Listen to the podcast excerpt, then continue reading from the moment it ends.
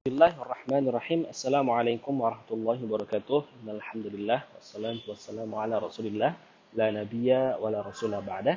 Rabbi shrah li sadri wa yassir li amri wahlul 'uqdatam min lisani yafqahu qawli amma ba'd.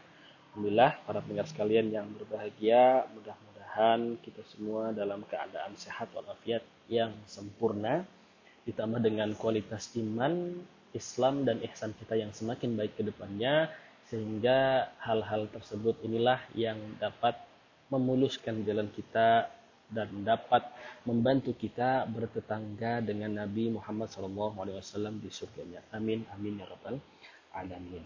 Baik, pada kesempatan yang lalu kita sudah menyelesaikan tafsir dan tadabbur kita di surat Al-Qadar. Namun ada beberapa hal yang penting disampaikan berkenaan dengan Lailatul Qadar tersebut. Khususnya bercerita tentang kebiasaan-kebiasaan Rasulullah, bercerita tentang uh, kapan malam Lailatul Qadar terjadi dan lain sebagainya. Tapi kita akan mulai. Yang pertama adalah berkenaan dengan Syahrul Ramadan. Jadi malam Lailatul Qadar selalu berdampingan dengan bulan Ramadan ya seperti yang sudah kita hafal bersama di surat Al-Baqarah ya ayyuhalladzina amanu kutiba alaikumusiyam kama kutiba alal ladzina min qablikum la'allakum tattaqun di mana tujuan dari siam ini, siam di bulan Ramadan ini adalah la'allakum tattaqun agar kamu sekalian menjadi orang yang bertakwa. Apa itu takwa? Takwa memiliki dua definisi ya. Yang pertama adalah e, tunduk kepada Allah, ya, mendekat kepada Allah. Yang kedua adalah takut kepada Allah. Jadi makna takwa ini juga bisa berarti takut, juga bisa berarti tunduk. Yang mana ada pengecualian definisi dari takut. Yang mana kalau kita melihat dalam kamus-kamus gitu ya, kamus-kamus Indonesia atau eh, literasi-literasi yang dijelaskan oleh para uh, dokter-dokter atau mungkin profesor-profesor, definisi dari takut adalah kita merasa tidak nyaman kemudian menjauhi hal tersebut. Namun ketika definisi ini disandarkan kepada takwa, maksudnya adalah kita menjadi takut kepada Allah, namun takut inilah yang justru membuat kita ingin semakin dekat dengan Allah. Ini yang membedakan makna takut kepada Allah dan makna takut kepada selain Allah. Kalau kita takut kepada selain Allah, biasanya kita menjauhi. Takut dengan serigala, kita akan jauhi serigala. Tidak mungkin kita malah mendekat kepada serigala. Takut kepada ular misalkan, itu bukan berarti kita mendekat kepada ular, tapi malah semakin jauh kepada ular. Itu adalah hakikat perasaan takut ketika disandarkan kepada selain Allah. Namun ketika disandarkan kepada Allah yaitu takut kepada Allah maksudnya adalah kita takut kepada Allah namun tidak berniat untuk menjauhinya namun semakin dekat kepada Allah Subhanahu wa taala. Inilah perbedaan dari definisi takwa ya. Baik, kita akan masuk uh, dalam sebuah hadis yang disampaikan oleh Abu Hurairah radhiyallahu anhu mengatakan bahwa qala lama hadara Ramadan, qala Rasulullah sallallahu alaihi wasallam. Ketika datang bulan Ramadan, ketika tiba bulan Ramadan, Rasulullah sallallahu alaihi wasallam bersabda, "Qad ja'akum syahrul Ramadan." Syahrul Ramadan telah datang kepada kalian. Bulan Ramadan telah datang kepada kalian. Syahrun mubarakun.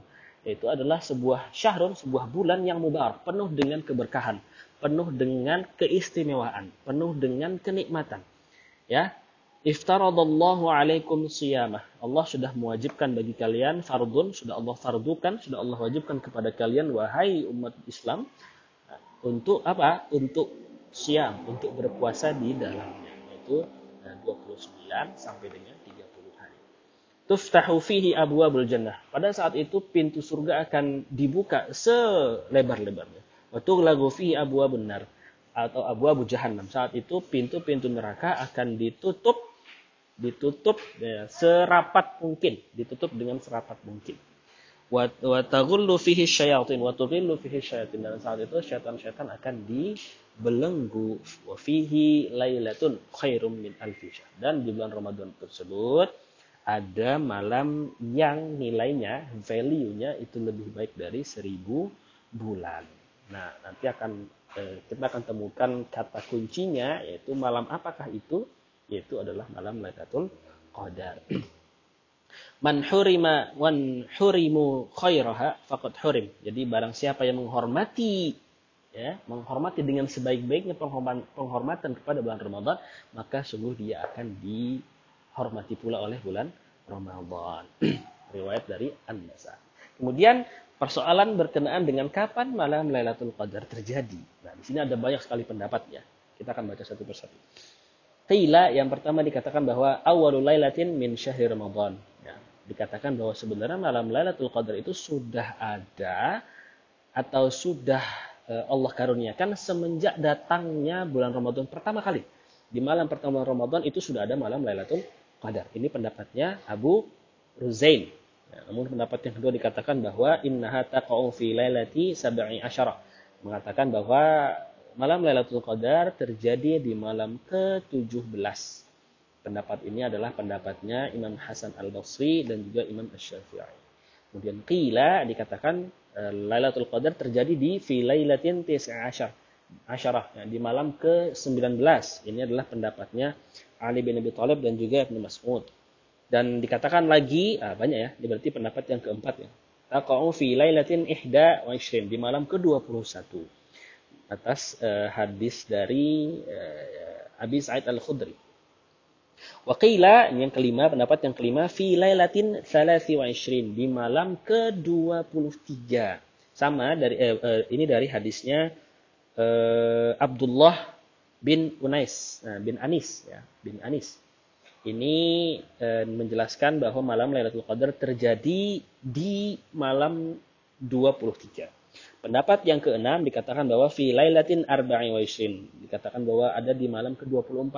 Nah, ini malam yang genap ya. Kalau yang tadi kita sebutkan itu kan malamnya ganjil. Malam pertama, malam ke-17, malam ke-19, malam 21, malam, malam 23, dan sekarang yang 24. Namun ini dihukumi hadisnya oleh para eh, ulama dengan hadis dhaif, hadis yang lemah.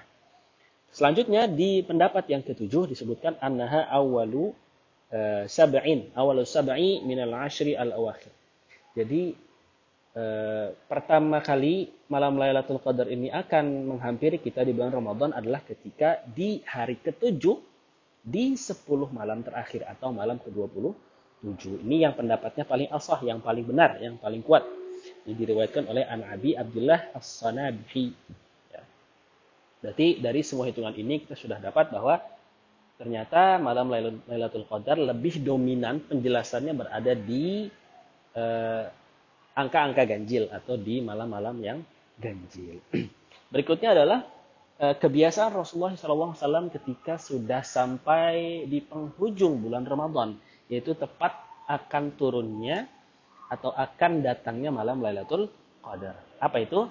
Dari Aisyah radhiyallahu anha qalat nah, dari istri beliau Sayyidah Aisyah radhiyallahu anha berkata bahwa karena Rasulullah sallallahu alaihi wasallam idza baqiya 10 min Ramadan ketika Rasulullah ketika Rasulullah e, menghadapi atau masuk ke dalam 10 hari terakhir di bulan Ramadan, maka apa yang dilakukan oleh beliau? Yang pertama adalah syadda ma'zarahu, mengencangkan ikat pinggangnya. Maksudnya adalah e, membenarkan atau e, menguatkan lagi fisik beliau untuk semangat mengerjakan ibadah dengan meningkatkan kualitas dan meningkatkan kuantitasnya.